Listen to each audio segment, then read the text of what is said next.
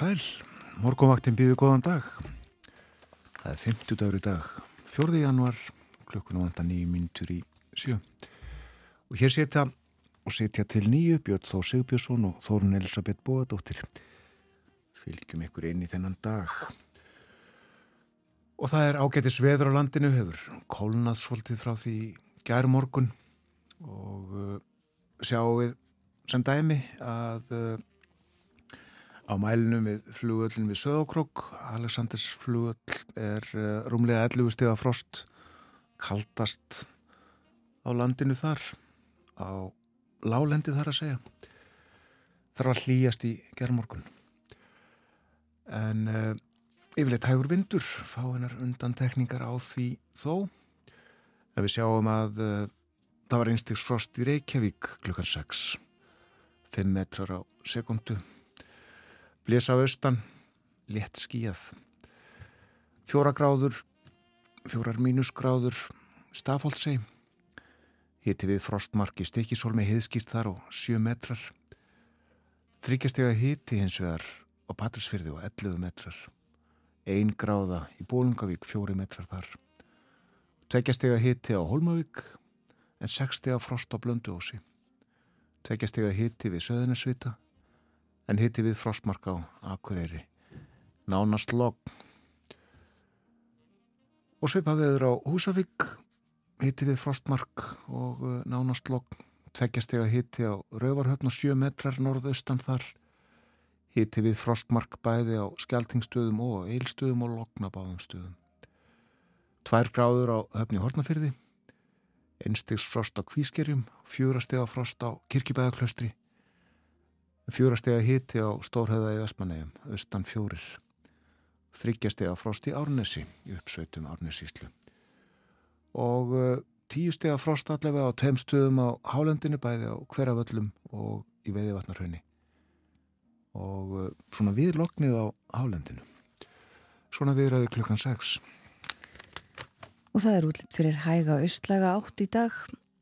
3-10 metrar á sekundu í kortonum. Lítilsáttar jél norðan og austanlands og bætir í úrkomu þar eftir hádegi en annars létt skíjað og frost yfirleitt 0-5 steg. Á morgun fremur vestlæg átt og dálítil jél í flestum landslutum segir í hugleðingum viðfræðings en stittir upp víðast hvar um kvöldið. Og áfram frost, vægt frost Á lögadag verður svo yfirleitt hæg suðulega átt og bjartviðri en suðaustan kaldi, skíjað og þurftað mestu vestan til. Frost víða 0-10 stig en frostlaust vestast á landinu. Og uh, svo segir í hugleðingum veðurfræðings frá og með sunnudegi og fram eftir næstu viku er útlitt fyrir hlýjar suðulegar áttir en frekar vætu söm um, um landið sunnan og vestanvert lengst af þurft fyrir norðan og austan en ætti þá að stór sjá á svellbungum sem skrýða undan snjónum. Þökkum fyrir það. Já, það gerum við. Uh, held ég að við séð fréttum að 15 hafi þurft að fara á bráðamötöku í gær hér í Reykjavík vegna hálkuslýsa. Og það er vetrarfærð um landið allt með hálku eða hálkublettum ekki sama flughálkan jafn, víða og var er en, ekki jafn víða, en vetrarfærið og hálka. Eh, og eh, vökkfærandur beðinir um að kynna sér færið áður en fariður af stað og aka með gátt Við setjum lag á fónin eh, hlustum á löfu Lín Jónsdóttur sem að í gær var sæmt íslensku Bjart sínis verðlunum þetta eru verðlun sem að fyrst voru veitt 1981 voru þá kent við Bröste en það var Danin Pétur Bröste sem að uh, stopnaði til þeirra á sínum tíma. En uh, Ísal álverði í Strömsvík hefur verið bakkjarlverlunina frá aldamótum. Lauvei Lín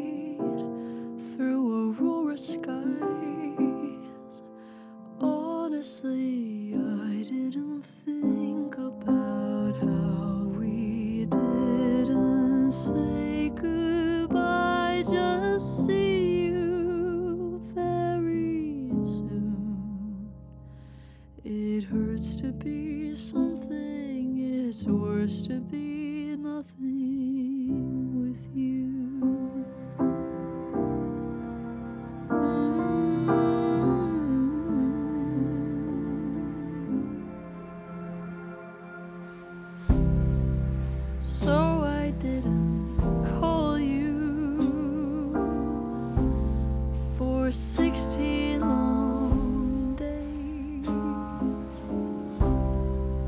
And I should get a cigarette for so much restraint, no matter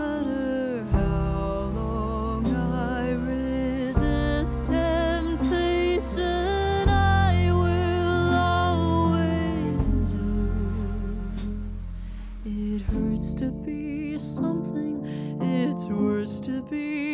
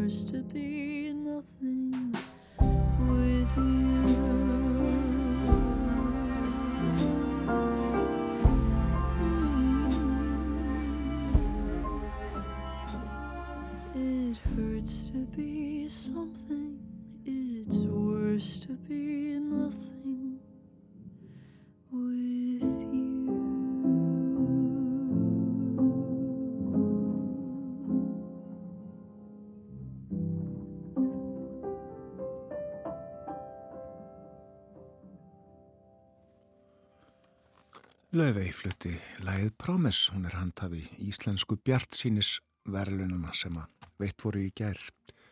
Það líður að fréttum hjá okkur á morgunvaktinni, þeir koma á slæðinu sjö, við förum yfir dagskráð þáttarins þarna morgunin að fréttum loknum.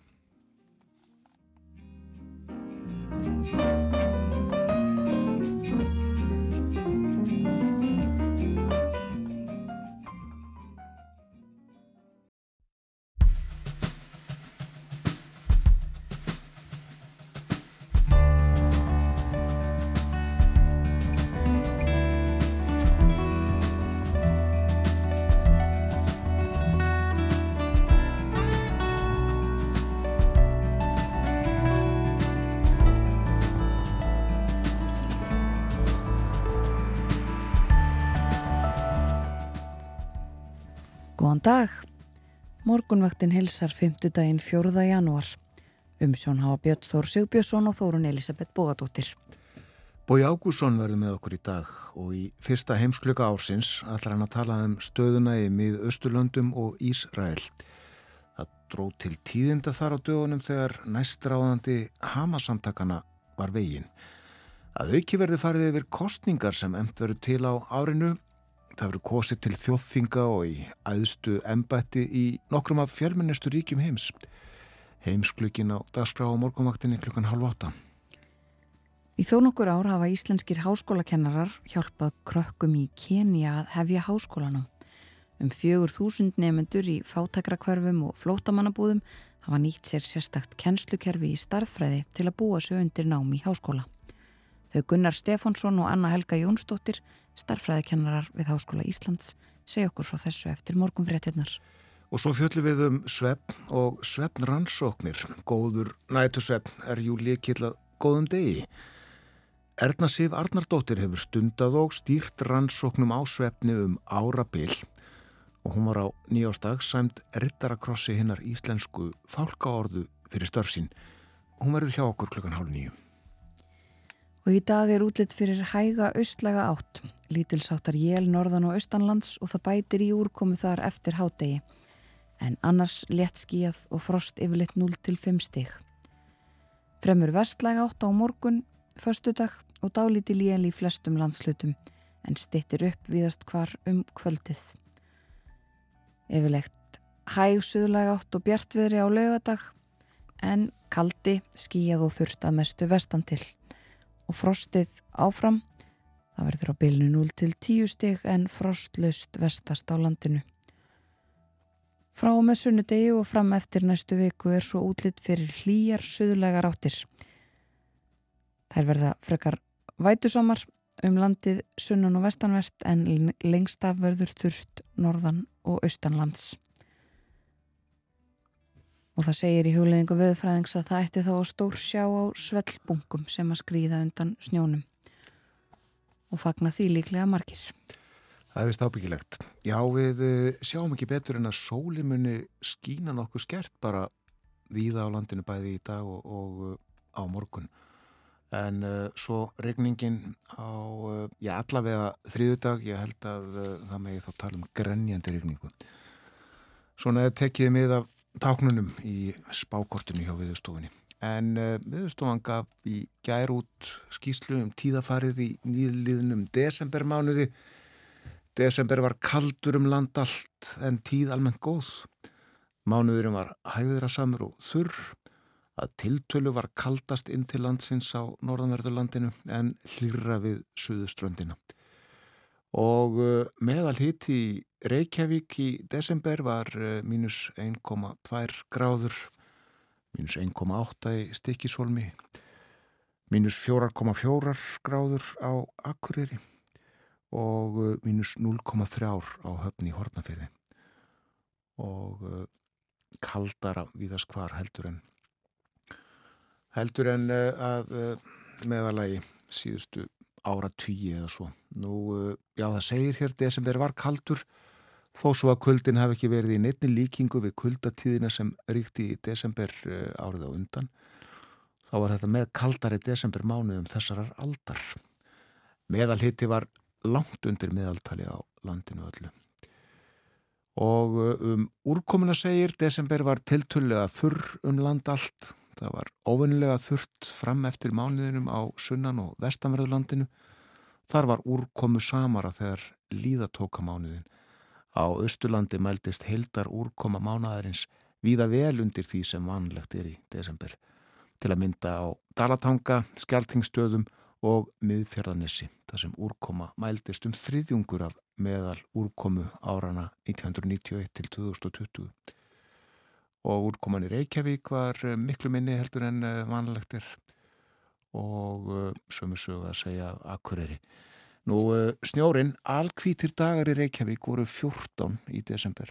Og það er tveimur dögum fleira heldur en að meðaltali 91 til 2020 og alkvítir dagar á akkureri 23 það er 5 fleiri en að meðaltali og uh, sólskilstundir í Reykjavík. Þær mældust uh, rúmlega 27 og uh, það er tæpum 15 stundum yfir meðalagi en á Akureyri þá mældust sólskinstundirnar já rétt rúmlega einn og það er rétt yfir meðalagi og eins og áður saði var mánuðurinn hægviðra samur vindur á landsvísu nokkuð undir meðalagi og uh, það var kvassast á landinu um miðan mánuði. Það var hér suðvestanótt. Tíðafarið í desember, svo líður sjálfsagt að því að uh, allt árið verður tekið saman. Svona í uh, þægilegan texta. Nú við lítum í blöðin, innlend og erlend og uh, hér á fórsíðu morgumblaðsins er uh, mynd af uh, skipi Helgumaríu sem að Brím gerir út landfestarlistar í gær og uh, stefnan tekin á vestfjörðamið. Ablabröð góð, segir hér líka og fjallaði ítalega um uh, fiskveðar innar í blæðinu, inn í blæðinu. Og það er líka sagt frá því að uh, íbúar hrunamannarreps, þeir urðu í fyrsta sinn 900 í desember og búa þar af um 500 á flúðum og það er talað við Aldísi Haftinsdóttur sveitastjóra og hún segir þetta vera ánægileg tímamút og uh, fjallar í blæðinu í samtali við morgunblæðið um uppbyggingu í ferðarþjónustu til dæmis og uh, segir að hún muni kalla á enn fleira fólk.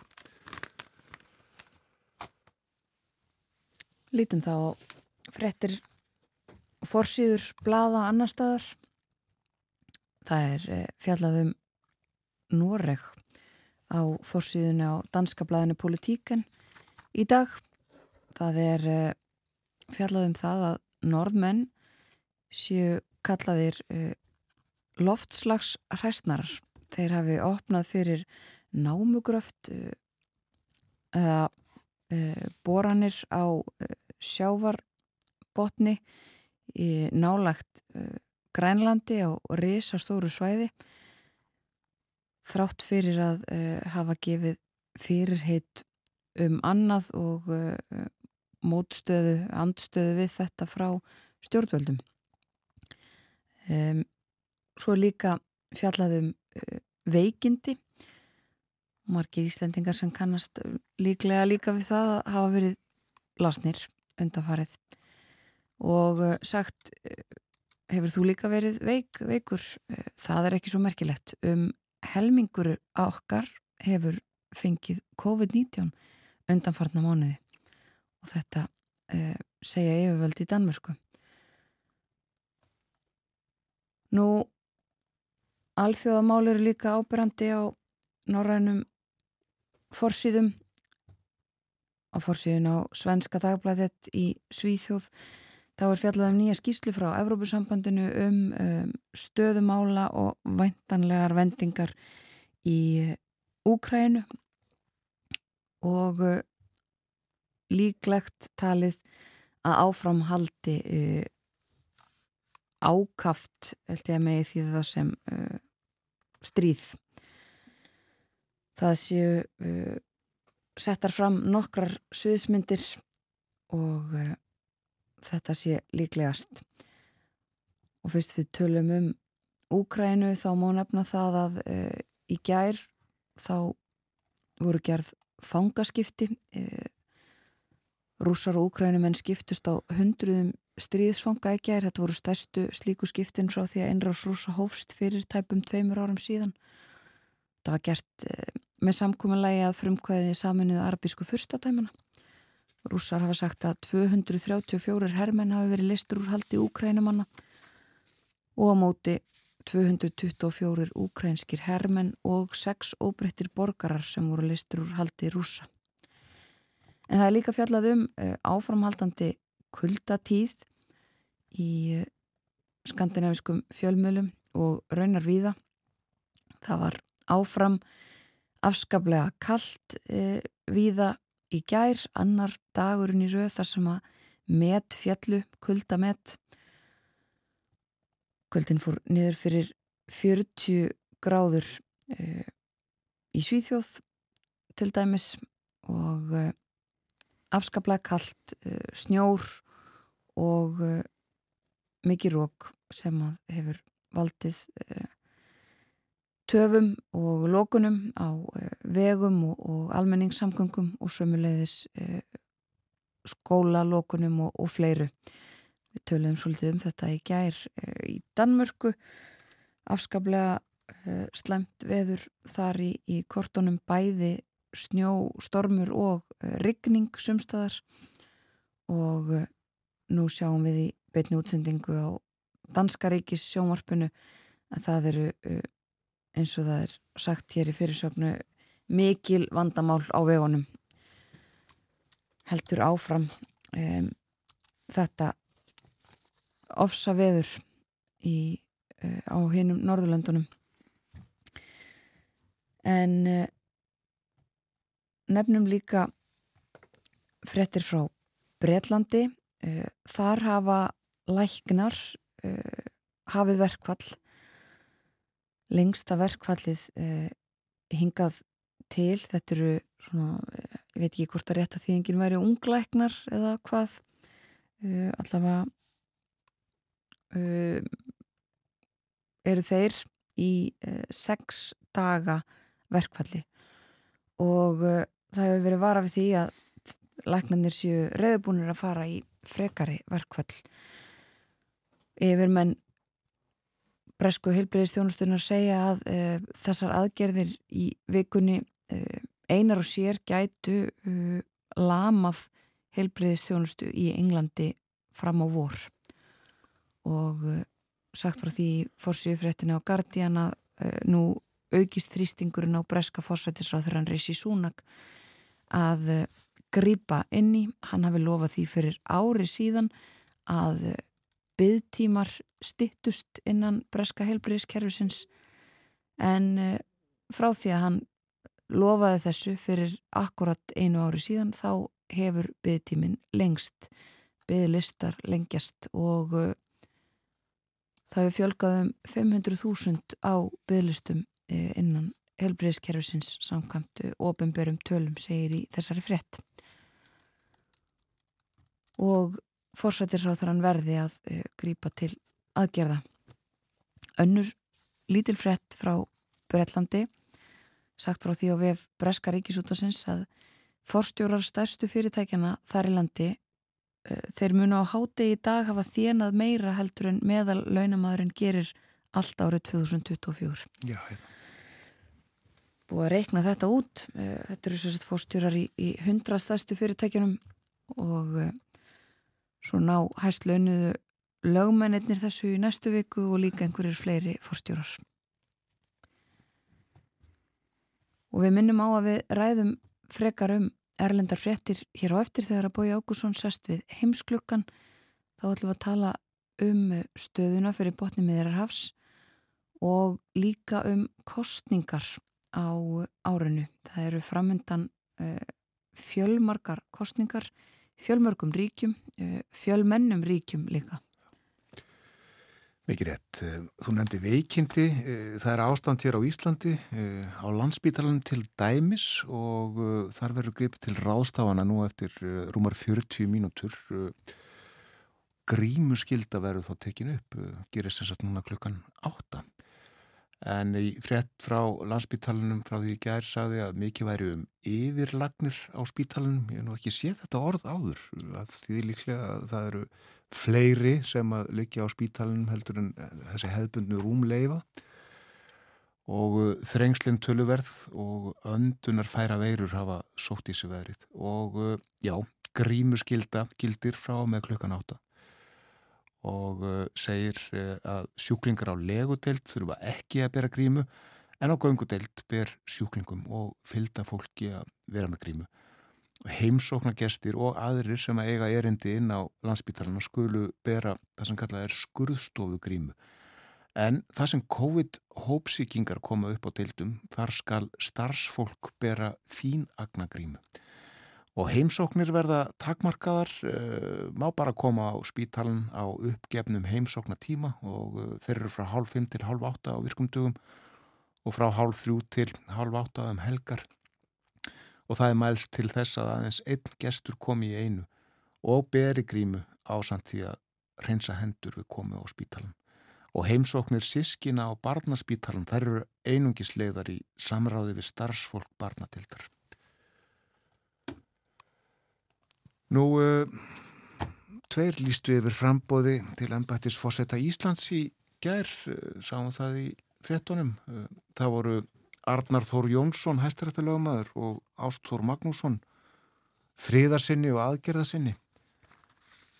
og áður uh, held ég að hafi komið fram. Það er allavega að fjalla um það hér á uh, Wikipedia síðunni fórsettakostningar á Íslandi 2024 að Axel Pétur Axelsson hafi líst yfir frambúði og einni Haldur Lagsners Haldursson, Dóri DNA en það með vist háða einhverjum skilirðum hans frambúð Já, förum ekki nánar út í þá sálma núna. Ég er rétt að uh, gömlum blöðum en uh, ég er hér með fórsíðu tvekja blaða frá 1949 uh, frá sannsagt 4. januar frá því fyrir 75 árum en uh, það var erfitt ástand á Íslandi. Efnags erfileikar, uh, gjaldir skortur og uh, fyrir vikið voru ymsa vörur skamtaðar og það voru þarna um áramótin gerða breytingar á skamtunarkerfinu og frá því var þetta greint í blöðunum. Og alltíðublaðið sæði fyrir sögn kaffi og sikur skamturinn var aukinum áramótin og skamtun á flestum búsáhöldum var feld niður en tekin upp á smjörlíki og upphafið að fréttinni var svona allir skömmtunasælar frá árinu 1948 voru úr gildi feldir á gamlástag og einnig stopn auki nr. 13, þetta var flóki kerfi. Aftur á móti hefur verið gefin út nýr yfir ytri fataseðil, ytri fataseðil sem verið látin í skiptum til þeirra sem enn eiga ónótaðan stopnuka nr. 13. Aðal breytingarnar á hennum nýja skamti eru þær að kaffi og sikurskamturinn er aukinn Skömmtun á flestum búsáhöldum er fælt niður en aftur á móti verður vefnaðafuru skamturinn minni en áður og nú er tekin upp skömmtun á smjörlíki í fyrsta sinn. Og uh, um kaffið, kaffi, kaffiskamturinn hann uh, var aukinn þarna í ársbyrju 1949 um einn pakka á fyrstu þrei mánuðum ásins og fólk mátti því kaupa fjóra kaffipakka á mánuði, einn á viku eitthvað svo leiðis og síkur skamturinn var aukin um hálft kíló á mánuði og fór upp í 5 kíló. Þetta voru frétta alltíðublaðsins en uh, tíminn sló upp skömmtun tekin upp á smjörlíki um áramót. Og ýmsar aðrar breytingar gerðar á skömmtunni en engin stórvægileg réttabót fyrir almenning svo að hann fái allt það sem miðarnir lofa. Það er sannsagt ekki tryggt að fólk fengi það sem það þó hafði rétt á með sína segla. En e, þrett tímans hóst svona nú um áramótin fær fólk nýja skömmtunasegla prentaða með rauðum lit á kvítan papir. Eru seglar þessir e, ekki alveg eins mikið rúnaletur fyrir almenning eins og fyrir seglar.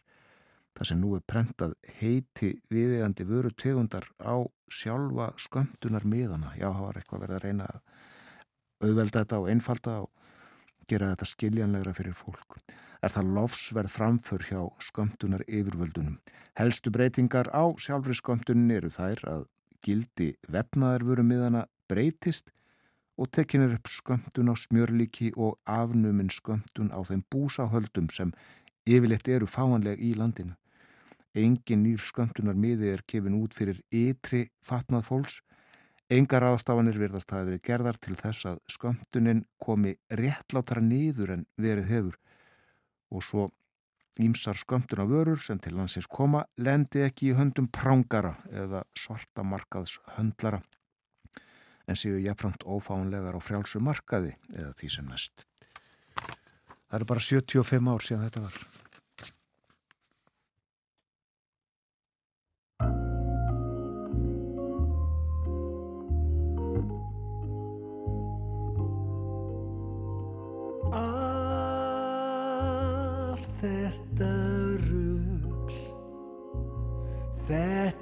Þetta kjafta eið og bull Allt þetta þrugl Þetta stjórnleysi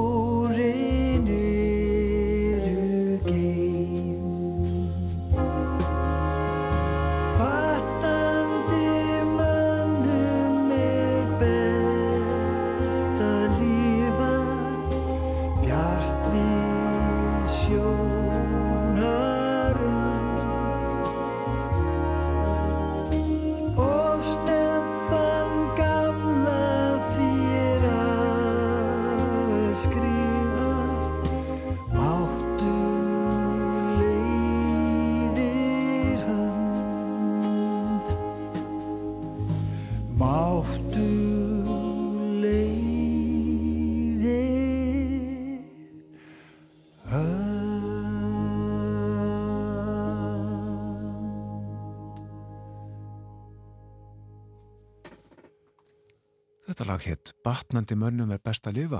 Höfundur lags og texta Sigurður Flósarsson Sálgæslan leik og uh, við nefnum það að það var Þóri Baldursson auðvitað sem að leik þarna á Hammondorgelið Það líður að frétta yfirliti hjá okkur hér á morgunvaktinni.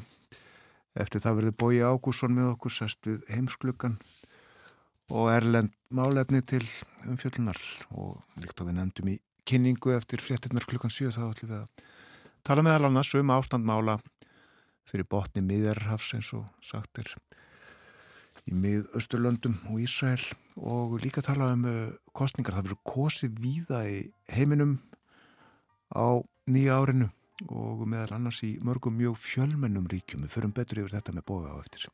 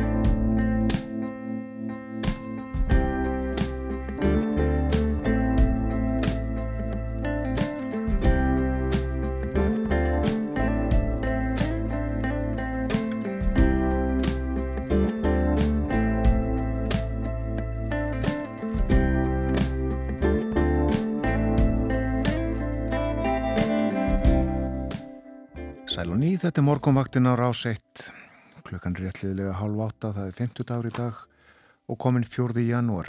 Umsjónamenn þáttarins í dag, Björn Þó Sigbjörnsson og Þórun Elisabeth Bóadóttir. Já, nýliðin desembermánuður kaldur og með þeim kaldari á öldinni, þó ekki nærja kaldur og í fyrra eða sérsagt árið 2022. Svolítið rugling, ruglingslegt svona fyrstu daga ásins, en... Uh, Viðurhornar í dag, Þórun, þú ert með þær. Já, það er austlæg átt í kortunum fyrir daginn í dag, 3-10 metrar á sekundu og lítilsáttar jél. En yfirleitt verður létt skíjað sunnan og vestanlands. Og okkur síndist það á kortinu að það myndi sjást til sólar. Á morgun föstudag, vestan og suðvestanátt 5-13 metrar en hægari vindur austan til. Dálítil úrkoma í flestum landslutum. Það eru jél sem að búist er við en viða verður þurft um kvöldið. Frostlöst við söður og vesturströndina en annars yfirleitt 0 til 7 stega frost. Það er sveipað í dag og á morgun. Á lögadag verður svo yfirleitt hæg suðlega átt og bjartviðri en söðaustan kaldi skíjað og þurft að mestu vestan til. Frostið á bylnu 0 til 10 steg en frostlöst vestast. Og eins og við höfum nefnt hér í morgun þá er útlitt fyrir hlýjar söðlagar áttir frá og með sunnudegi og fram eftir næstu viku. Þá fer hitin upp í áttastig sumstaðar á landinu. Það verður rigning sunnan og vestan til sérstaklega og þetta gildir eins langt og spáin nær fram á miðvíkudagi næstu viku. Hálka á vegum og jæljagangur sumstaðar þá við um um uh, einhverja staði eða svæði á vestfjörðum og uh, líka um uh, norðanvertlandið. En þá er komið að um fjöllunum Erlend Málefni hér á morgunvaktinni. Góðan dag, Bói Ágússon. Góðan dag, Björn Þóru Þórun. Þið byrjuðuð á verinu núna og ég heyrði líka að þið voruð að fara yfir veður í, í Skandinavíu fyrir um, klukkan hálf åtta og uh, það er merkilegt að spáð hlýjendum áttastega hýta í næstu viku á Íslandi, það er rólegt viður hér, en allt brjálað um öll Norðurlanda og England. Í Englandi þá hefur orðið mannskaði uh, í veðrinu og sömulegis í Finnlandi í snjóflóði. Það er uh, kuldi sem er dæma fár í Norður Finnlandi og Norður Svíþjóð og Norður Noregi þó aðalega Svíþjóð og Finnlandi. Og það er snjór sem að Danir þekkja ekki. Það er bílur búin að standa í Danmörku þannig að eh, ég man ekki eftir því að dönum sé bara ráðlagt að halda sig heima. Mm. sunn aðeins sunnar þar sem þetta hættir að vera snjór og verður rikning að þá er það flóð. Og enn einu sunni á í annarskipti á örfáum mánuðum er flóð uh, víða, uh, ég ætla að missi köpmanöfni og í hérna svona sumarhúsabygðum uh, verulegt tjón og þá var bara reynd ótrúlega myndir sem maður sá í, í, í danska sjónvarpunni gær, þar var eitt frettamöður sem að hún hefði settið först á samt myndatökuliðinu í 5,5 tíma á hraðbröð á norður uh, Jólandi mm. uh, þessu hafði verið spáð þar en því hafði ekki verið spáð á Östur Jólandi og þar var allt í kásk getum við sagt út af þessu og, og bara mjög víða. Þetta veldur gríðalegum vandræðin fólk kemst ekki til uh, og úr, í og úr vinnu og sem er allt í lagi fyrir skrifstofublæku sem að geta unnið heima frá sér. En þetta veldur vandræðum í heilbríðistjónustu og öldrunarþjónustu og þar sem að fólk þarf að vera til staðar. Ég sá á einum spítala að í Danmarku þá var búið að breyta fyrirlestrarsölum í svona uh, bráðabilda sveppskála fyrir starfsfólkið sem ekki kemst heim til sín Já. svo það geti lagt sér í vinnunni og uh, haldið sér að ná fram að vinna Já. Og þetta sama gildi í Nóri, þar sáum við uh, þar sem að, að sjálfbóðaliðar á vegum Rauðakrossins voru að fara uh, á milli húsa til þess að móka fólk út, fólk sem ekki komst uh, út úr húsum sínum.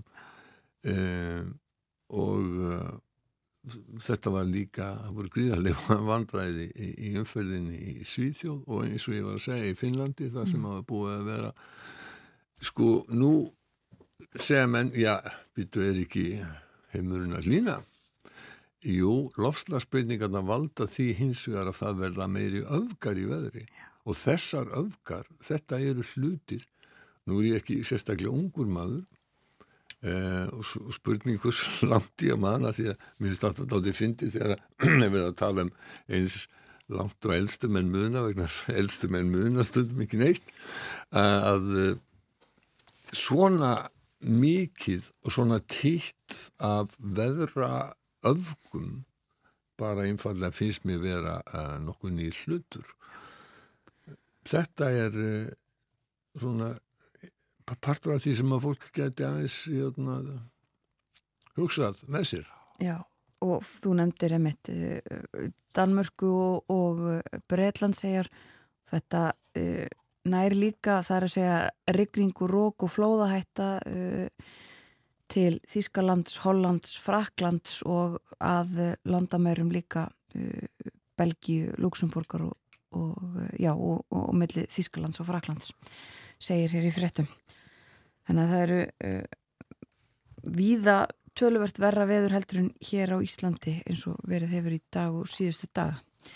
Við raunar má segja með svona fáum undantekningum að þá geta reikvíkingar sagt að veðrið hér á söðvesturhóttninu hafi verið gott frá því um, já, getum við sagt bara júli byrjun nánast á þess að vera að styðjast við einhver sérstök gögn, auðvitað hafa komið uh, yllviðri en uh, það hefur varað stutt og veðrið er, er meir og minna búið að vera gott í rúmlega hálft ár um Já. Já. Það hefur líka kólnað verulega og verið talað um það síðustu daga að uh, kuldin uh, og erfiðar aðstæður hafa áhrif á uh, fólk sem er á vergangi og ekki í neyn hús að venda á gasa Já. og við ætlum að tala um uh, stöðumála í Ísrael og, og Palestínu og jafnvel aðeins víðar áður en að við dembum okkur svo í að ræðum kostningar sem eru framöndan á árinu. Já, einmitt. Það er það sem að fólk áttast ekki alltaf á. Það heldur að miðusturlönd séu heiturlöndin en veturnin þar geta verið bísna kaldir og uh, þessi ímynd sem við höfum af miðjarahafinu það sé bara fólk að liggja á solvaströndu í hugulegheitum uh, það er ekki alveg rétt. Og uh, það getur verið bísna kalt að bæði í Norður Afríku á nætturnar og uh, eins e, í Palestínu og uh, á þessum svæðum öllum Tyrklandi munum eftir því þegar að járskjáltanir gríðalegu urðu þar að uh, partur af því sem að allir vandræðin var að fólk ég hef náttúrulega fólk hafði ekki þakk yfir höfuðu það var að koma tjöldum og, og þannig að fólk hefði ykkur skjól. En það er rétt ástandi þar hefur verið reynd skelvilegt frá þeirri ógn, ógnar árás sem að Hamas gerði á Ísrael og, og, og það sem að um 1200 manns voru myrkt og sum á hinn róttalegasta hátt New York Times hefur verið með úttekt á því, það eru tvær úttektir sem að hafa vakið aðtegli varðandi þetta Uh, núna undanfjörnum dögum í New York Times ítarlegar rannsóknir sem að bladið og bladamenn hafa farið í.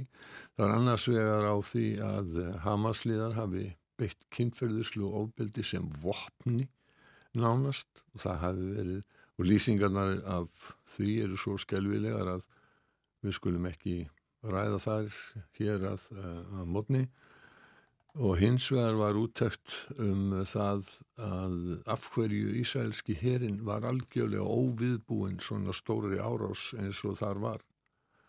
Um, síðan hafa viðbröð Ísælsmanna náttúrulega verið með þeim hætti að þar eru þar hafa held ég hvað er það 200 manns fallið fyrir hvern einn uh, Ísraelsmann sem, að- sem að fjall það eru það eru sko það voru það voru það er yfir 22.000 manns uh, sem að uh, vita, eða sem að Hamas segir að hafi fallið á Gaza og lang, lang, lang mest af þessu eru almenni borgarar og konur og börn stórt hlutfall af því. Við skulum muna að uh, þjóðin sem að býr á Gaza er ung að árum, það er mikið af börnum með þarna og þau hafa dáið, þau hafa fallið, verið drepin, verið myrkt í uh, ótrúlega miklum mæli. Og þetta er uh, þetta er farið að valda áhyggjum í bandaríkjanum meðal demokrata sem að eru hafa áhyggjur á því að eindræg svona, svona, mjög öflugur og eindrægur stu, stuðningur bætens bandaríkjafásita við Ísrael valdi því að hann sé farin að, að demokrata sé farin að tapa atkvæðum. Og það ég sá að það var einn ennbælsmaður sem að var skipaður snemma í tíð eh, Joe Bidens uh, hann var að segja af sér í mótmælaskyni við stefnu bandaríkjastjórnar í málefnum eða í, í stríðinu. Og nú er uh, uh, utanríkisráþrann að fara í hvað held ég, það sé fjórðaskipti uh, þarna til þess að reyna að finna einhverju lausna á þessu. Um, og í Ísrael þá stendur Benjamin Netanyahu fórsetisráðra mjög höllum fótum og það versnaði staða hans enn núna um helgina þegar hæstiréttur Ísraels dæmdi ólöglegar þær breytingar á lögum um skipan eh, dómsmála Ísrael sem að ollu því að eh, Ísraelska þjóðin eiginlega reys upp á síðasta ári og fólk kannski búið að gleyma þessu. En það voru hundruð þúsunda manna sem fóru í mótmælagöngur í stærstu borgum Ísraels gegn þessum fyrirhugðu breytingum eh, stjórnar Netanyahus nú hefur skipan stjórnarina verið breytt og þeir eru með þjóðstjórnin Netanyahu í sjálfu sér er mjög veikur og honum er kent um það að Ísraelsmenn voru ekki viðbúnir í uh, oktober, ekki 7. oktober þegar mm. var ráðist á landið og uh, þannig að það eru mjög margir fréttaskynnindur sem segja að þegar þessu stríði líkur og uh, hvernig sem að það verður að þá verði uppgjur í Ísrael sem að endi með því að Netanyahu fari frá völdum og það má heldur ekki glema því að hann á eftir að svara allir saka fyrir alvarleg spillingamál og margir stjórnmálaskýrindur hafa sagt að þessar breytingar á domstólum hafi verið eiginlega bara til þess að Netanyahu geti sloppið við refsingu fyrir uh, spillingamál ah.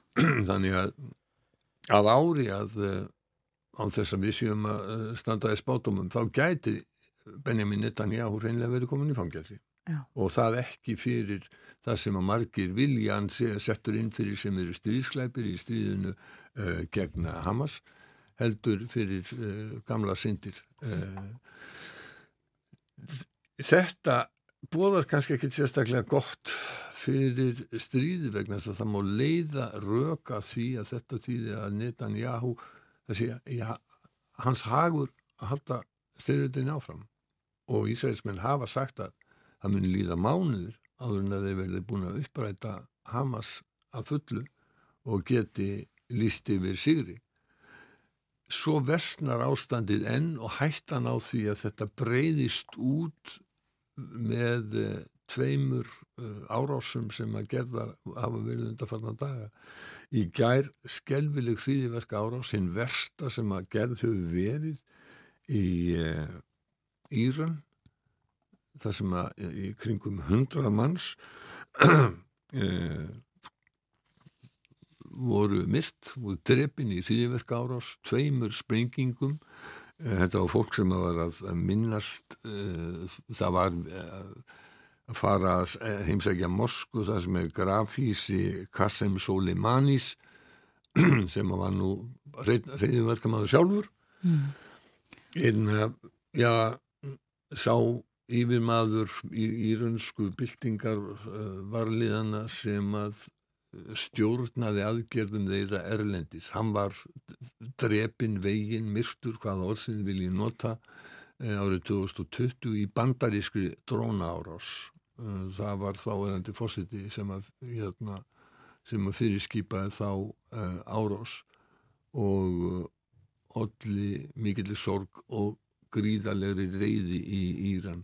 Eh, Þessi maður er uh, píslarvottur í huga mjög stór hlut, eða mjög margra Írana og þeir voru, vegna þess að það eru fjögur á síðan þessi árás var gerða, þá voru þeir á leið uh, að þessu, að þessu uh, grafísi hans. Já, og svo var það árásin sem að gerð var í Líbanon í Beirut. þar sem að Sali El Aruri sem var næstræðandi Hamas samtakana uh, var feldur í uh, fyrradag og þar er eiginlega ekki nokkur af á því að þar uh, voru Ísraelsmennaverki við skulum minnast þess að eftir að palestinskir hefndaverkamenn drápu 11 ísraelska íþróttamenn í München 1972 að þá var Mossad Ísraelska leinþjónustan árum saman á eftir öllum þeim sem að tóku þátt öllum þeim palestinumönnu sem tóku þátt í þeirra árás og myrtu þá einn af öðrum út um allan heim. Uh, það er uh, greinilegt að í Mossad að þá er það biblíu fyrir skipunin auga fyrir auga, tönn fyrir tönn sem að gildir eða mörgaugu fyrir mörgaugu og etc. og uh, í þessu tilfelli að þá er það Saliel Arúri. Það aftur uh, orkar mjög tvímælis uh, þar að segja varðandi það sem er mikill þrýstingur á í Ísrael núna að fá gíslana sem er í haldi á Gaza uh, lausa ár haldi. Vegna þess að Al-Aruri var einn aðal samningamaður Hamas-samtakana um löst uh, gísla og uh, það er líklegt að það verði það hafa verið þreyfingar á bakvið tjöldin. Það tókust, tókst samkomulega um vopnalíja í nokkra daga þar sem að uh, fjölmörgum ísraelskum gíslum var sleppt úr haldi en þegar þeir eru vel á annað hundrað ennþá í haldi. Og það er ekki mikla líkur á því að það verði reyfingar í, í átt að frelsun þeirra eh, eftir að Al-Aruri var eh, feldur. Nei. Þannig að, og síðan er þetta eh, í, í Íran, það veit engin hver stóð þar að baki, það menn telja sér langt líklegast að það sé ISIS sem að eru íslumsk hriðverkarsamtök uh, sunnita, en það eru sítar sem eru við völd í Íran.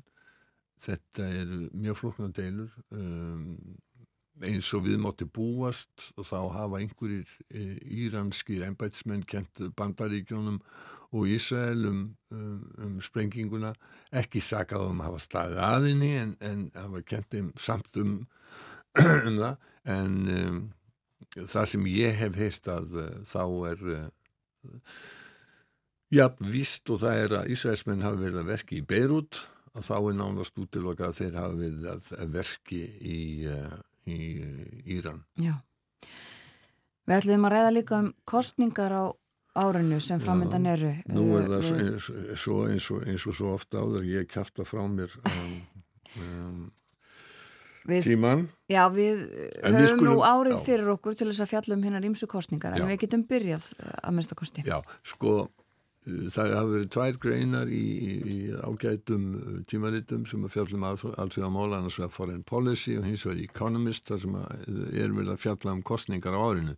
Economist segir að það hafi aldrei verið jafn mörg já, jafn margir sem að gangi að kjörborðinu uh, og í ár og það verði kostningar það er að segja svona, kostningar sem náu til aðrar þjóðarinnar uh, í meiri hluta mannkins og, uh, í, og það er út af aldrei þá merkilegt, það segir okkur það að um, meiri hluti mannkins að hann geti kosið en við skulum geta okkur að því að uh, þó að fólk geti kosið að þá býr það kannski ekki líðræðslegu landi.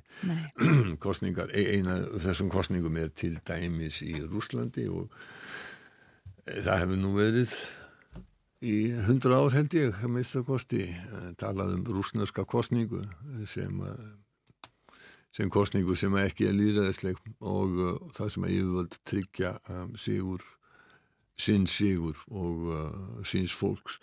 Uh, næst, en það eru sagt í flestum af stærstu fjölmennustu ríkjum heims verða kostningar á árinu. Og það ber að nefna helst Indland sem að er að öllum líkindum alveg fjölmennasta ríki heims núna. Þar verða þing kostningar uh, Indland er stærsta líðræðisríki heims og það hangir ennþá inn í því að heita líðræðisríki uh, þó að uh, það hafi undir stjórn nærendar-móti, núverandi fórsættisáþra, síðastlinn tíu ár uh, verið vegið mjög að líðræðislegum stopnunum og svona getum við sagt stjórnar hættir á Indlandi hafi fæst til hins verra að þá er allavega enn möguleiki á því að fella þá stjórn í líðræðislegum kostningum þó að sé saumað að anstæðingum og að frjálsum fjölmiðlum uh, og öðru. Um, en og svo eru náttúrulega fórsetakostningarnar í bandaríkjanum sem að flesti telja skipti mestu máli fyrir heiminn allan vegna þess að alla líkur benda til þess að þessi tveir gamlingjar sem að ættu nú að hafa hlustað á Margréti aðra dannadrottningu og sagt að þegar hún sagði að það veri komin tími til þess að víkja fyrir yngra fólki um, þeir eru greinlegt að fylgja slíkum ráðum. Sko hvað er hvað er bætin 82 eða ekki? Og Donald, og Donald Trump hvað 77 eða 8 Eh, þetta fólk ætti að eh, fyrir löngu að vera komið á eftirlaun og vera orðið pensionista og í besta falli að, hérna að, að gera gerast álitskjafar og, og, og en hætta að vera í áhrifastöðum. Það þeirra tími er einfallega líðin en því miður það verðist sem að þessi 340 miljóna þjóð bandaríkin að eh, þar sé ekki um annað að ræða heldur en þess að tvo gömlu kalla. Uh, og það er reynd ótrúlegt ég, fyrir mér óskiljanlegt að Joe Biden skuli eh, eh, ekki hafa sko átta sig á því að hann er orðin hans er gammal og að bandarækjuminn skuli yfir höfuð geta hugsað sig að kjósa Donald Trump það er allt annað mál. En að það var svona rétt í loginu rétt að nefna þessa næstu kostningar uh, verða um helgina í Bangladesh. Og Bangladesh er gríðarlega fjölmennt ríki. Það, og þar er líðræði langt í frá fullkomið vegna þess að eh, á undanfjöldum árum í fjöldum um Bangladesh í, í, á síðast ári, mitt síðast ári í júni minni mig held ég að það hafi verið. Já, þar sem að við töluðum um bæði söguna og, og, og annað fyrir fólk sem að, hérna, hefur eh, áhuga á því. Eh, en um, þar eru alla líkur á því að stjórnin haldi velli vegna þess að þar er líðræðið brogað.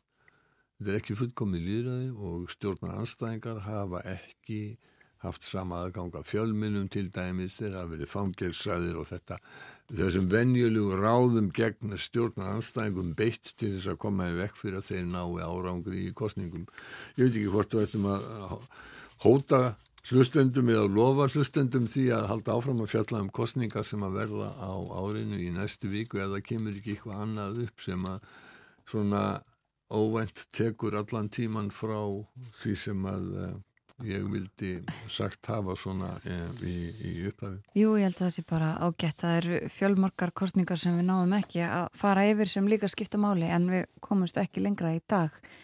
Takk fyrir í dag, Bói Ákusson Takk sem við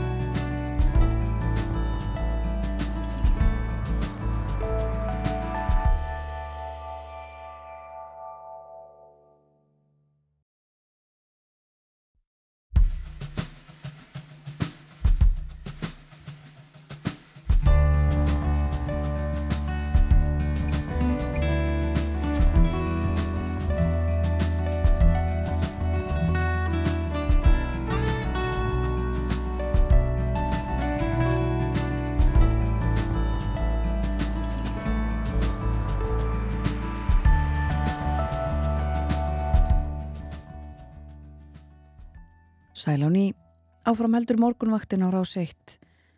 Klukkan tæpar 6 mínútur gengin í nýju þennan 50 morgun. Það er fjóruði janúar í dag. Og fyrir fréttinnar var hjá okkur Bói Ágússon settist við heimsklukkan. Fór yfir ímislegt við rættum aðeins um veðrið, öfgana í veðrinu í Evrópu og uh, stöðuna í miðausturlöndum. Og svo rættum við aðeins um kostningar sem framöndan eru á árinu 2024. Við ræðum þau málu nánar síðar. En snúum okkur að öðrum málum núna. Fræðafólk í starðfræði við Háskóla Íslands og samstarfsfólk þess hefur um langt skeið þróað kennslukerfi sem að miðar meðal annars að því að greiða leið ungs fólks í háskólanám í Kenya. Þetta verkefni ber heitið Mentun í ferðartösku. Fengum til okkar e, og hittum í gær e, stofnendur þessa verkefnis Gunnar Stefánsson og Önnu Helgu Jónsdóttur. Heyrum í þeim. Hingað eru komin þegar Gunnar Stefánsson, prófessor í tölfræði og Anna Helga Jónsdóttir, dósend í tölfræði, bæði við Háskóla Íslands. Velkomin bæðið tvö. Takk, Takk fyrir kærlega. Segið okkur bara fyrst, hvað er mentun í ferðartösku? Uh, mentun í ferðartösku er verkefni sem gengur í raun út á það að aðstofa nefnendur á svæðum sem aðgenga mentun er ekki eins gott og við þekkjum hérna á landi til þess að komast inn í háskóla. Og það reynum við að gera með hjálp nútíma tækni. Hvernig þá? Hvernig nýtiði tæknina? Hvernig er þetta kerfi? Jú Gunnar, þú byrjaði nú fyrir sko yfir 20 árum síðan að þróa kerfi, eh, svona kennslukerfi, opi kennslukerfi á netinu og ég verð nú að nefna það að því að fyrir 20 árum síðan að þá voru ekki svona kerfi til. Þannig að Gunnar hefur alltaf verið svolítið undan sinni samtíð. Já, það var svo sem auglóst á, á þeim tíma að, að það þurfti að gera eitthvað af því að það var tölvöld algengt að nefndu til dæmis afrituðu hver eftir öðrum úrlausnir og það læriði ekki að þeirra neitt á því og, og, og þá kom þessi hugmynd að, að þró eitthvað kjænslukerfi þar sem að nefndu fengi ólíka spurningar og geti bara unnið sér áfram og lært á sínum eigin hraða. Og það er uh, kerfi sem að hefur þá síðan verið í þróun og, og er notað við það eða hvernig er það? Já, við notaði þetta heilmikið í Háskóla Íslands en, en svo fórum við svona að hugsa hvort það væri ekki gaman að nota þetta fleiri svæðum mm. og þá var það nú í raun tilviljun að, að Kenia var fyrir valinu. Gunnar, þú varst að ráðstefnu? Já, ég hérna var á ráðstefnu í Barcelona þar sem ég var að kynna þetta ákveðna kerfi og, og spyrja fólk og ná í tengla og annað til þess að aðtöku hvort það veri ekki hægt að fá samstarf og fleira og það satt bara við hliðin á með maður sem að var að tala mjög svipaða hluti og við vorum sammálum um hvað væri mikilvægt og hvernig þetta gera hlutina og hann vann í Kenya þannig að úr var þessi tenging og, og hérna það er bara haldist mjög gott samstarf við ímsa aðeila í Kenya allar götu síðan. Já, og hvernig kemur það til þá Anna Helga að þú kemur inn í þetta verkefni? Um, já, ég hérna doktorsnámi mitt snýra hluta til að þróun og prófun á þessu verkefni og, og við höfðum bæði svona áhuga á um þetta að fara einhvert út í heim með svona kerfi og uh, ég fóri mitt í mína fyrstu heimsótt í Kenya sem í, í doktorsnáminu.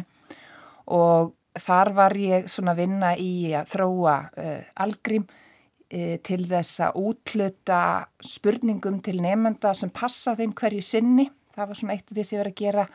Og uh, við vorum að prófa kerfið á stórum nefndahópum þar sem við vorum að reyna að bera saman lærdom nefnda, þau voru að vinna í kerfinu og svo sem unnu hefðbunna heimavinnu sem Gunnar var aðeins að vísa í, í áðan þar sem nefnendur jú stundum svona kannski voru að afrita hvert eftir öðru en jú auðvitað líka hjálpa stað og við sáum það að nefnendur stóðu sér betur á prófum eftir að hafa unnið í kerfinu miða við svona hefðbunna heimavinnu sem kennari þurftu þá að fara yfir og var jú tölvert þá tíma, tímaspartnaður í því. Já. En já, og svo hefur við unnið saman í þessu síðan og við hefum þróað kennslu efni svona sérstaklega fyrir Kenya. Þar þurfa nefnendur að þreita samrænt próf meðal annars í starfræði eftir framhaldsskóla og þessi próf ráðaði í raun hvort að nefnendur eigi möguleika á að komast inn í háskóla. Og það eins og við nefndum að markmið okkar er að hjálpa nefndum að komast inn í háskóla og þess vegna höfum við lagt áherslu á að, að þau æfi sig í akkurat þessu til þess að aðstöðu þau Já. í þessum prófum. Og hvað, einmitt, sko, hvað, hvað þurfa þau til þess að uh, geta nýtt sér þetta kerfi og þess að mentun í ferðartösku? Hvernig, hvernig virkar þetta í Kenya? Þetta er aðgengilegt og í raun og veru opið á netinu, opið öllum, en uh, fólki sem við erum að tala um hefur ekkit aðgang endilega að netinu. Uh, það á ekki snjálfsíma, það á ekki snjálftæki og, og uh, oft er mjög lélegt bara almennt aðgengi að, að internetinu og uh, við sem sagt stopnum þá styrtarfélag, styrtarfélagi bróskalla til þess að gefa spjaltölfur inn á svæði þar sem að uh, þeirra væri þörf og höfum verið að vinna mikið með bókasöfnum. Uh, bókasöfnun hafa gætnan þráðlöst net sjálf en annars hjálpuðum þá með, með það. Uh, gefum bókasöfnunum nokkra spjaltölfur og þau lána síðan nefndunum og nefndu fá að, þannig aðgang að, kerfinu okkar sem eins og ég segi er, er bara opið á vefnum.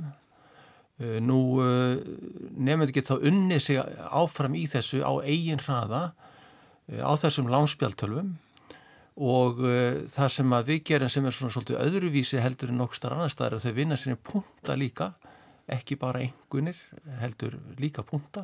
Punta sem við kallum bróskalla og þau geta nota þessa bróskalla til að kaupa fyrir í bókasöfnunum meðal hans keift alla spjaltöluna sjálfa sem er þá heilmikil umbun fyrir nefndur á þessum svæðum sko. Einmitt. Og, og kefti eitthvað fleira líka, önnur námsgögn og, og nöðsyn er það ekki?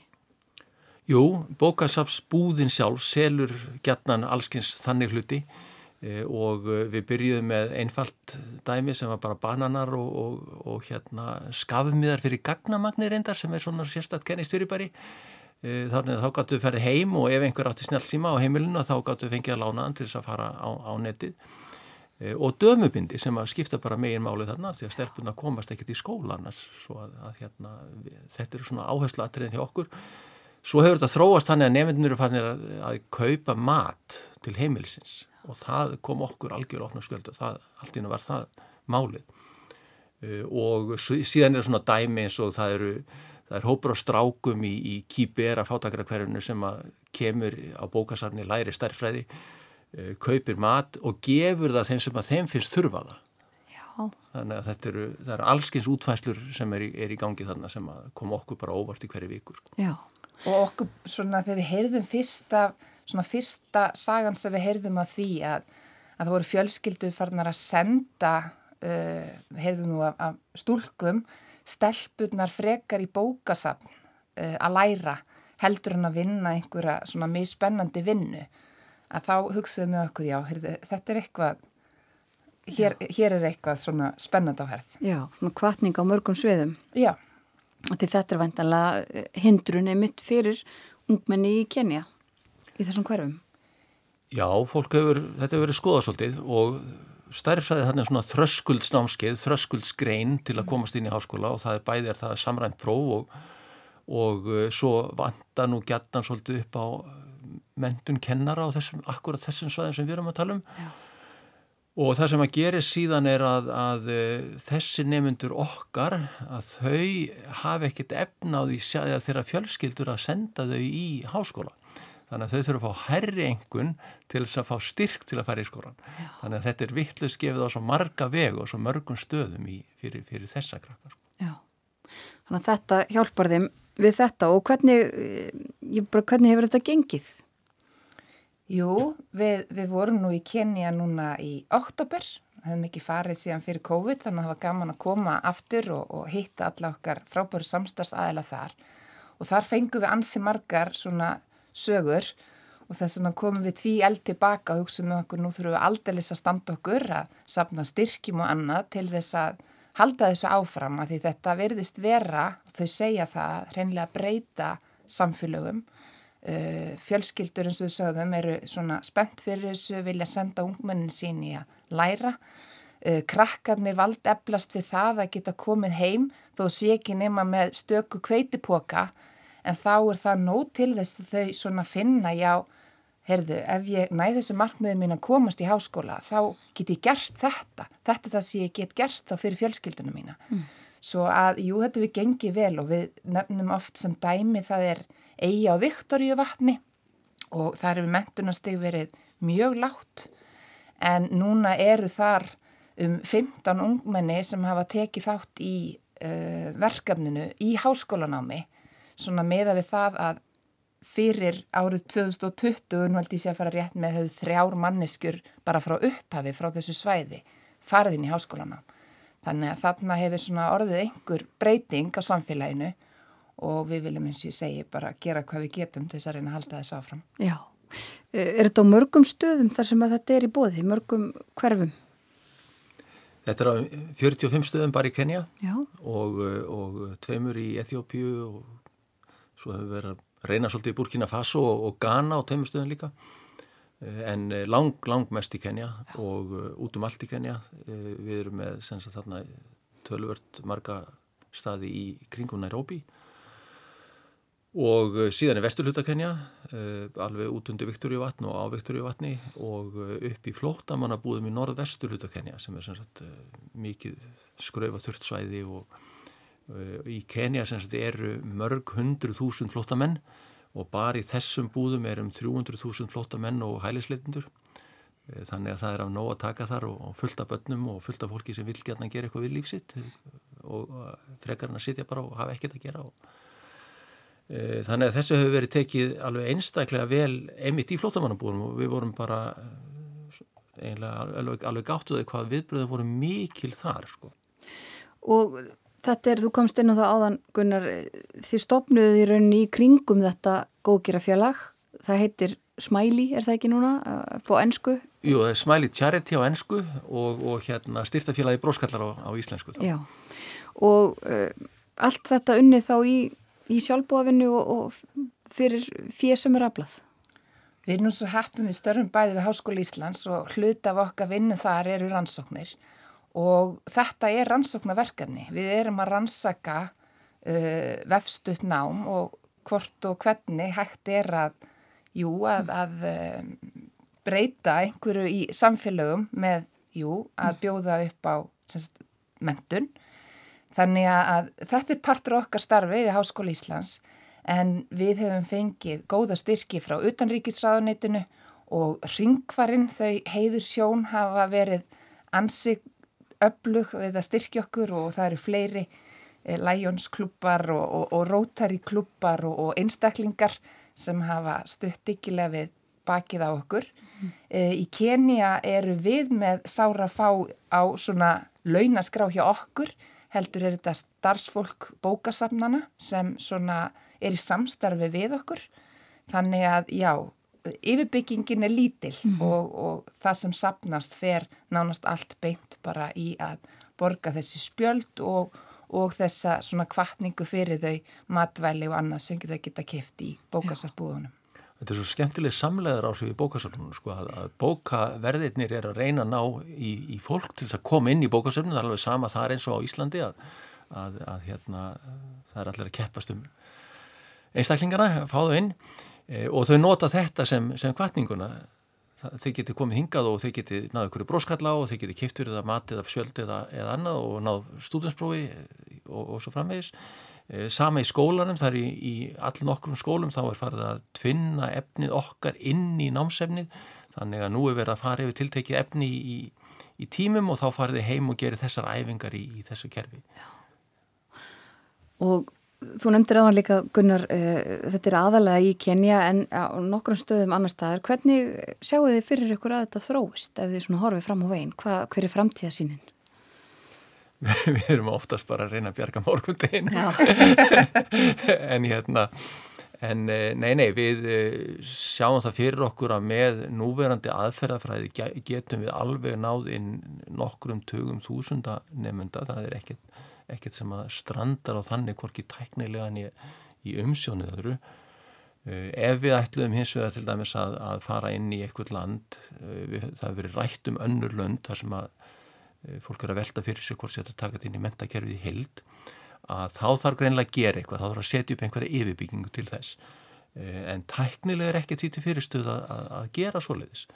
Eh, en það er líka svolítið gaman og krútlegt að vera svona litlu uppreysnaseginni sem að erum bara utan við öll kerfi sko eins og við höfum svo sem verið hingað til sko. Og við erum að fagna því núna að uh, það eru 4000 nefnundur í Kenya sem hafa notað uh, kerfið okkar og við svolítið verið að grínast við það Háskóli Íslands sem er jú, einn af okkar hérna stóru bakjöllum. Það verður gaman allavega að verða starri en Háskóli Íslands svona kannski á, á næstu árum. Já, í nefndafjölda. Hvað, hvað eru margir eftir við nám við Háskóla Íslands? Það eru, það eru allavega yfir 10.000 svo við þurfum aðeins að spýta í lóana. Já, en þið sjáu það þannig fyrir ykkur, það er markmiðið á næsta árum. Já, svona, Það, það væri- Eitt af nokkrum. væri, væri, væri, væri ágætt markvið á, á svona, já, tveimur, þreimur árum eitthvað svolítið sko. Já, einmitt það. Fylgist annars vel með uh, stöðumála í Kenya? Þið nefndu það að þið hafið farið þangað uh, í einhver skipti. já, Kenya er alveg dásanlegt land og uh, ég nefndi að líka við höfum ekkert farið síðan fyrir COVID Einmitt. að uh, þar voru skólar, þeir lokuðu bara í heilt ár í COVID. Þannig að samfélagi fór alveg á hliðina og það er erfitt ástand. Uh, það var mikið atvinnuleysi að um, það er svona, já, ástandið er erfitt Mm. og þetta er auðvitað allt annað samfélag heldur en við svona þekkjum hér. Það er svolítið spilling þarna og svona ímislegt en algjörlega dásanlegt fólk og alveg ótrúlegt, þetta er svona hálfgjör klísja að, að þetta eru samfélag sem hafa ekki mikið á milli handana en, en fólk bara lappar um brosandi, jákvætt og indislegt. Þakka ykkur báðum fyrir að koma til okkar á morgunvaktin og segja okkur frá þessu verkefni og uh, gangi ykkur vel. Takk Takk kærlega fyrir. fyrir.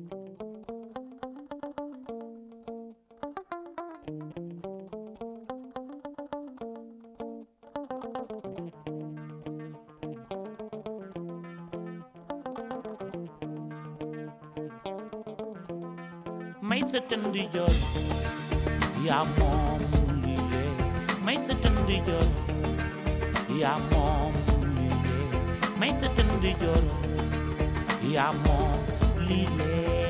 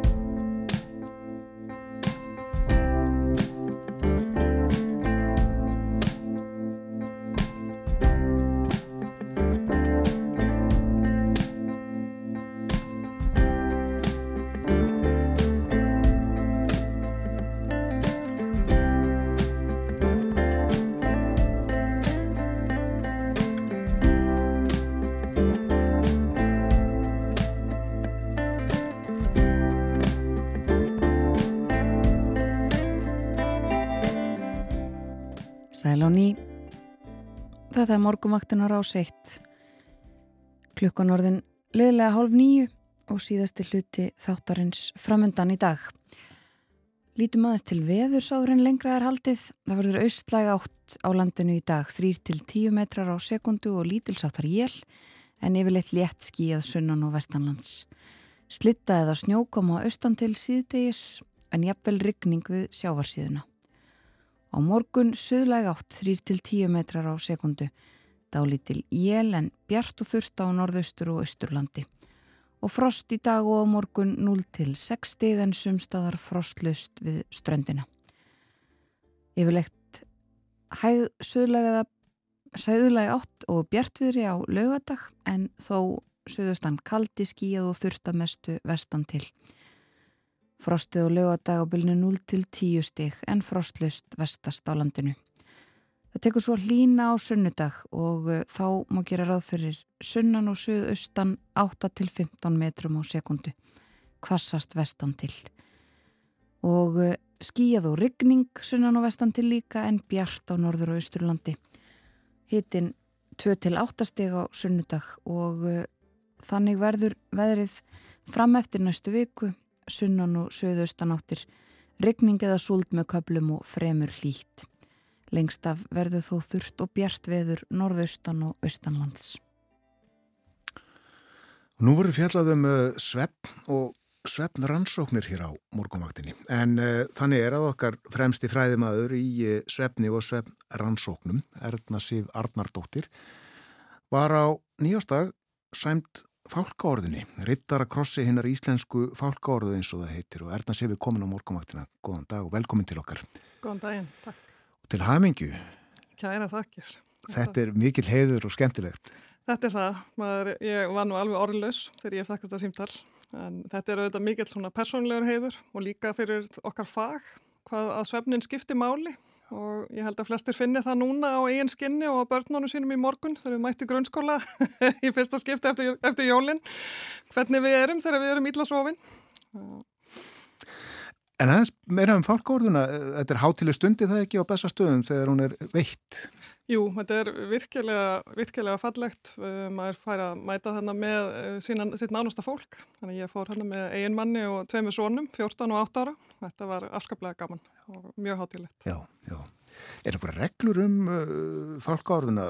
Máttu bera hana þegar þú vilt eða er einhverja svona, já, reglur eins og um uh, þjóðfánan? Já, þetta er, þetta er mjög, hérna, það er alveg mjög skýrt hvena maður má bera orðuna og það er í raunin einungist þegar maður hittir þjóðhöfðingja og það er svona kvart til það sem maður sé með orðuna en svo fekk, fær maður svona rósettu með sem maður má bera á hátíðadögum, persónulegum hátíðadögum 17. júni og svo framvegis við dökkfött. Við dökkfött, já. já. Þannig að þetta er, það er, þau vilja halda hátileikanum og við þetta sem að fáum, fáum orðina, við, við verðum það. Erna séf orðulegs hér í þættinu. jú, jú.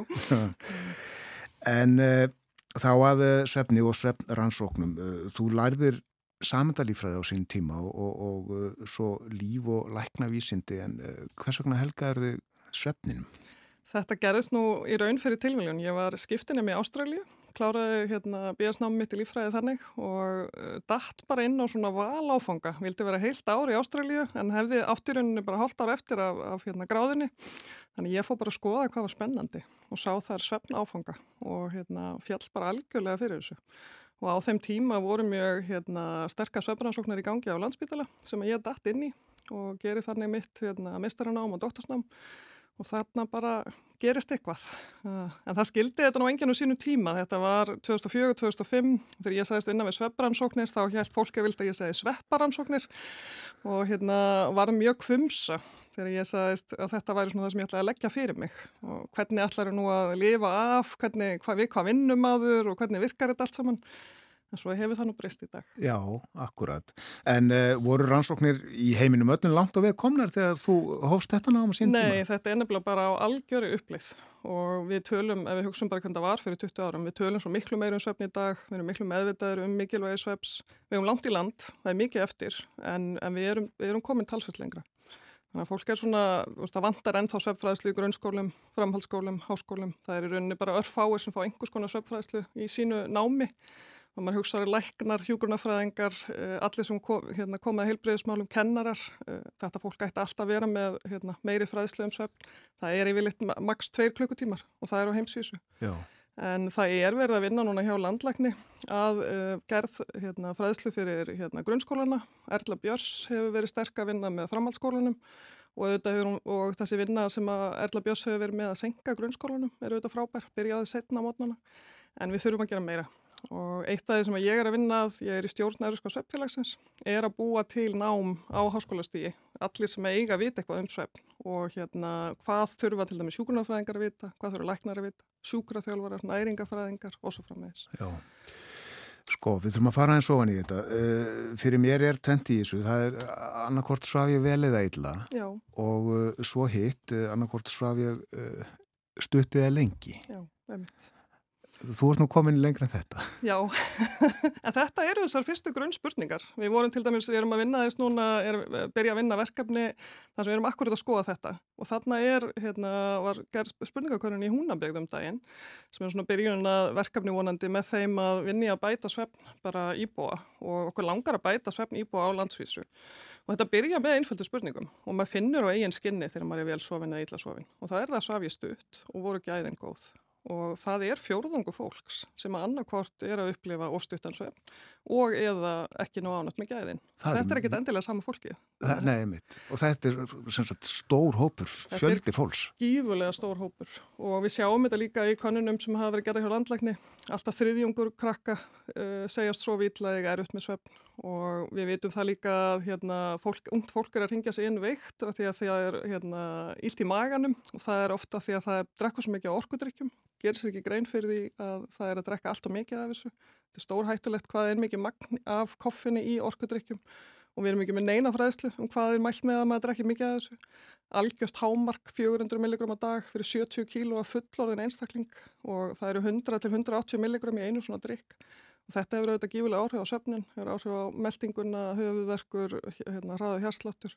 Þannig að við erum ekki, það vantar algjörlega bara þessa grunnfræðslu. Já, þú nefni þetta, uh, einhverja hugmynd óljósa hefum við þó um að uh, líka símnótkun á, á kvöldin og sjónvasáhorf uh, hafi áhrif á, á söfn og þetta er, þetta er svona ný fyrirbæri í samfélaginu. Já, þetta er klálega alveg, þetta er ekki, ekki sjónvarpið svo sem, en símadnir og það er mögulega munur þarna á, það er grundvallar munur á því að vera passífur hérna, þáttakandi. Þú ert að horfa sjónvarp sem er með ljósi lengra frá þér og þú ert bara, þú ert bara að hlusta og horfa. Þú, ekki, þú þarfst ekki að breyðast neitt við. En þegar ást í símanum þá ertu líka að fá skilabóð, þú þarfst að breyðast við, það er einhvers konar áreiti og það er þá bæði ljósið sem er mjög nálægt þér, bláa ljósið í símanum eða skjánum sem er nálægt þér og svo þetta að vera alltaf að breyðast við, svar einhverju skilabóðum og svo framvegis. Já.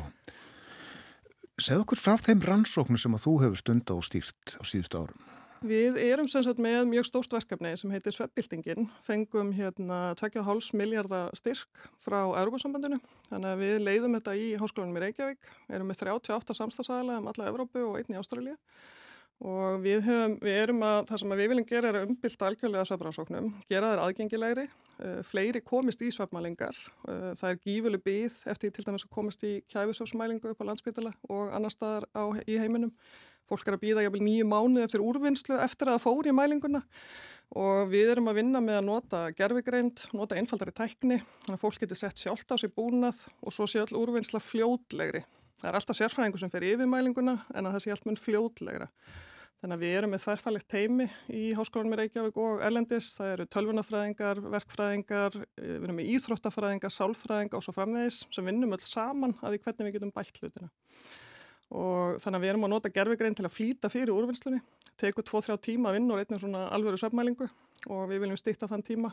Og við viljum líka fleiri komist í mælingu. Þannig að fólk getur bara svo með þetta heima, setta á sig sjálft og fengi niðurstöru og, og þetta er nákvæmara og, og uh, betra og allt öðruvísi heldur en, heldur en þessar uh, svefn aðtúanir sem að fólk gerir á sjálfur sér með úrum og öðru slíku. Já, það er það. Það er, í dag er það ekki nákvæmt fólk getur notað þetta, þetta eitthvað til þess að bera, bera sjálfan sig saman við sjálfan sig, þannig að nótt á milli nótta, maður getur kannski séð til dæmis nótt eftir áfengi eða stuttansvefn, maður sér á mælinguna að það er vera, en ef að fólk fær hérna úr svefnmælingu með svona úri að það fá til dæmis engan djúpsvefn, ég myndi nú ekki, hérna, ekki missa svefn yfir því svo. Því að það er eitt gallin við þessi úr, en þau eru ekki nákvæm, þessi, það er ekki hægt að treysta þessu, ekki í dag. Vonandi, ég hugsaði að verði það innan einhverja ára, en í dag ekki. Og, hérna, og það sem getur gerst er að fólk verður svo stressað yfir svefninu sínum. Fólk kannski upplifur það svo vel, lítur á úrið, úrið segir, heyrðu, svefngæðin var bara 87%. Og þá verður þau stressaður, verður að sofa. Og það eru rannsóknir sem sína það að þú getur bara búið til svefaldamál. Þannig að við þurfum líka að vara okkur á tækninni. Við þurfum að nota hana rétt hún getur verið góð ef maður þarf að nota hennar rétt. En við erum að prófa svona úr, við erum, að, erum með úr á sama tíma og við erum með svona nákvæma söfmælingu og við erum að sjá hvað er hægt að gera, hérna, taka rétt út úr þessu.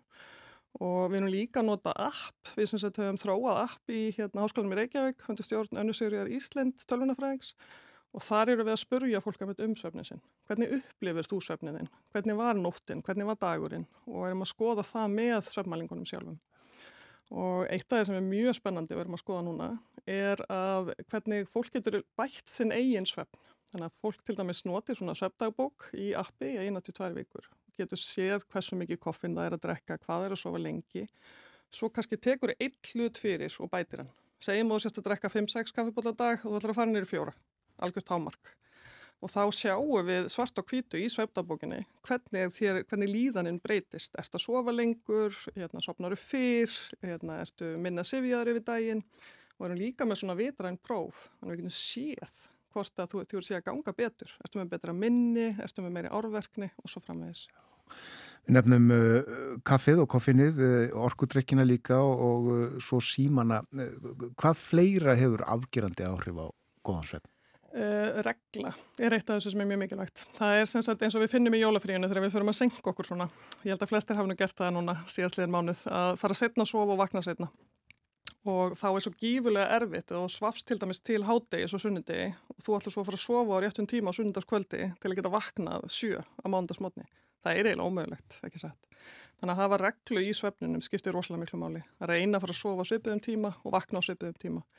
Um, auðvitað allt í lægi að þessi einhver breytilegjum helgar og svo leiðis en ekki, ekki til ádegis.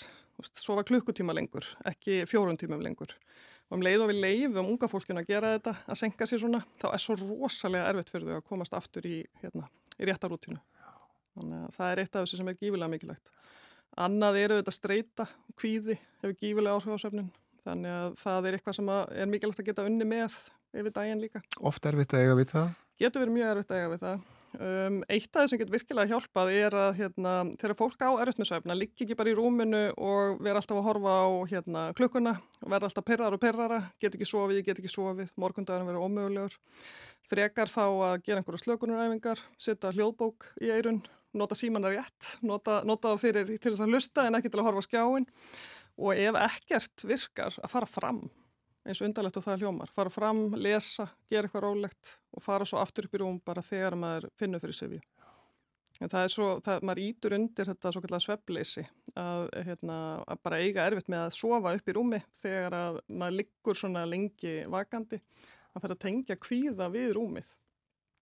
Kannski eftir að sopna frammi í sofa, fer upp í rúm og gláða vagnar. Það er ekki gott. Það er ekki gott.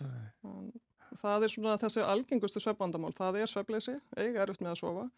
Uh, annarkvort lengi að sopna, vakna meðanótt, getur ekki sopna aftur, eða vakna eldsnemma, vilt vakna sjö en vaknaðar hálf sex, getur ekki sofið. Og svo kæfisvefnin, þegar fólk er að hrjóta og hætta anda. Það er líka gífurlega algengt. Og góður svefni gríðarlega mikilvægur og það má segja að þetta sé bara samfélagslega mikilvægt. Einbytting er miklu betri afkvöst og allt annað. Klárlega, er, og þetta skiptir gífulega miklu máli. Við sjáum það til dæmis í, hjá öllu vaktavinu fólkinu okkar og það er eitt af þessu sem við virkilega þurfum að taka til í í okkar þjóðfélagi. Það er að skoða hvernig vaktavinu fólk, hvernig við högum vöktunum þeirra, hvernig getum við hámarkað hérna, e, þannig að hámarkað svefn þá að þú sért í vaktavinu. Þetta er gífulegt álag fyrir líkamann. Við erum með eitt hæsta, hérna eina hæstu prósendu vaktaðan fólks í Evrópu og öllum löndu sem við viljum bera okkur sama við. Af hverju eru við með svona mikið að fólki að vinna á nóttunni? Þarf fólk að selja namn á nóttunni? Getur við fækkað fólki sem þarf að vinna á tímum sem að virkilega hérna, henda okkar líkansklöku ekki? Það þarf einhver að vera á spítalanum og manna hérna lauruglun og slökkviliðið en þarf að selja namni.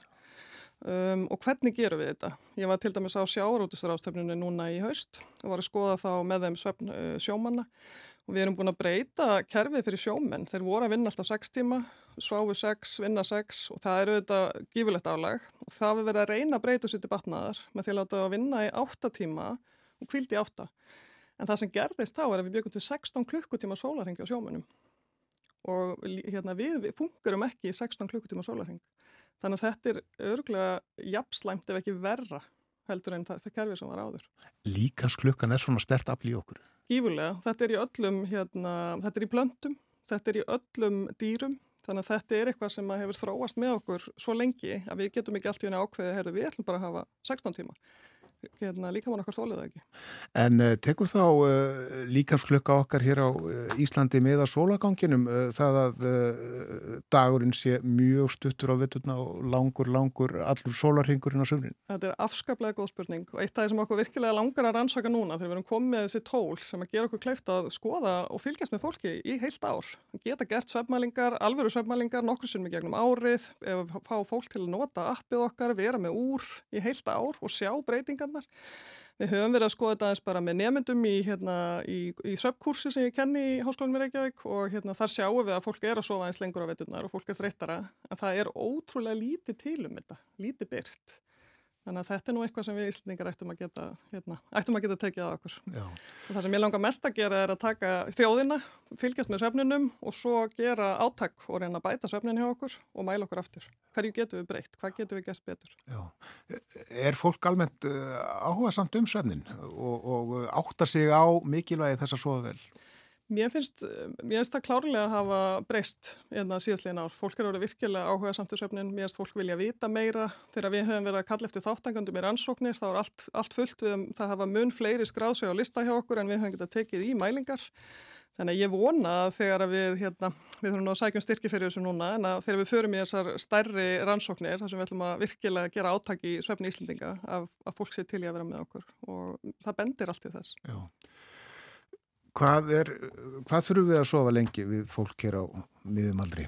E, flestir þurfa 7-9 tímasvefn. Það er sem sagt svona frá bara 18 ára og upp úr. Það er, er talað um 7-9 klukktímasvefn. Þegar um komin að þeirra aldraðir þá er talað um 7-8 tíma. Það er erfiðar að ná þessum hérna, síðasta klukkutíma. En það er auðvitað gífulega breytt bíl, 7-9 klukkutímar. Og þar fyrir innan þarf maður svolítið að finna hvar maður er sjálfur upp á sitt besta. Og ég finn það til dæmis, ég er svona meiri 8-9 tíma, jáfnvel 9 tíma kona.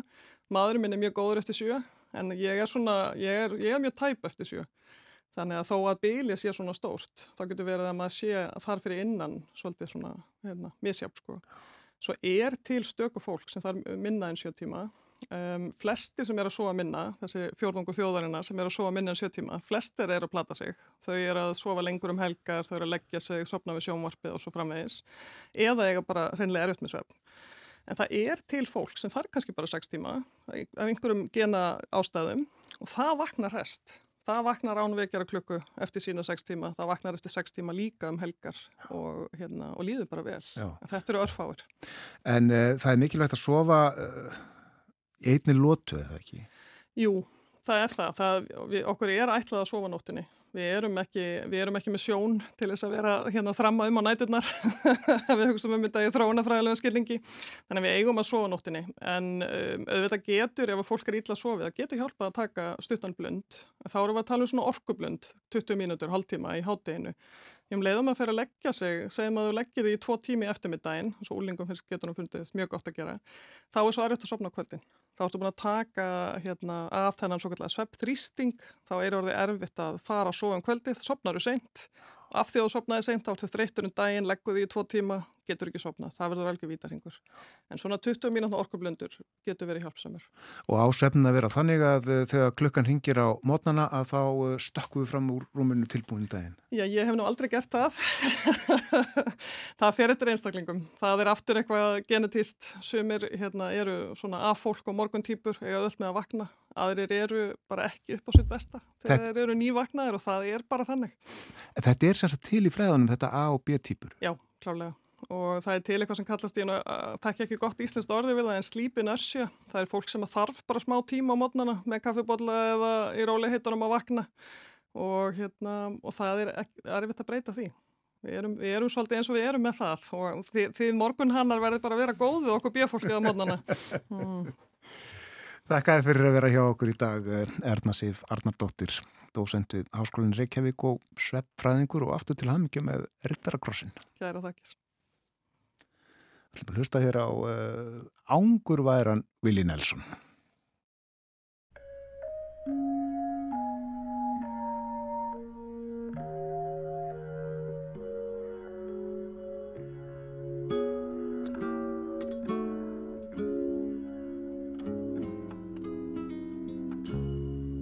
Georgia, Georgia, the whole day through. And Just an old sweet song keeps Georgia on my mind.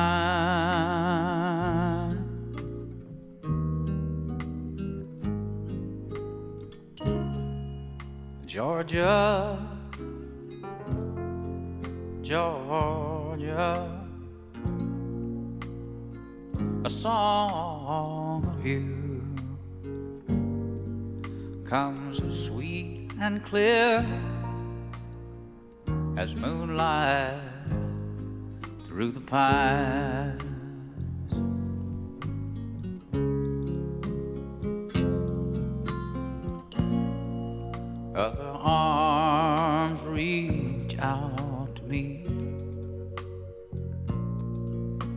Other eyes smile tenderly. Still, in peaceful dreams, I see the road leads back to you. Georgia, Georgia. No peace I find, just an old sweet song keeps Georgia on my mind.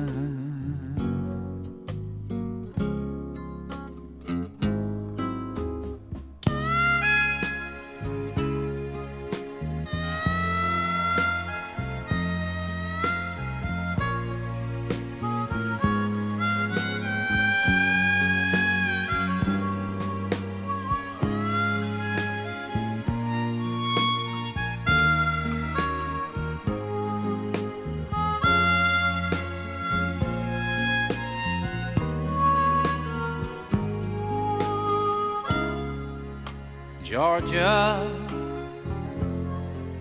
Georgia, no peace I find,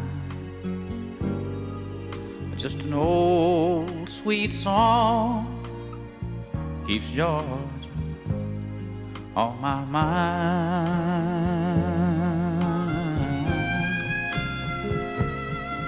Just an old sweet song keeps Georgia on my mind. On my mind. On my mind.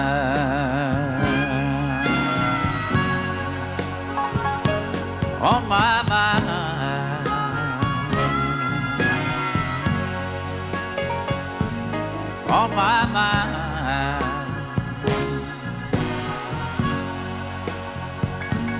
On my mind.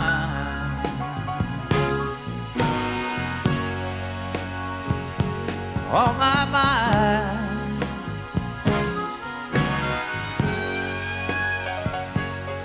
On my mind.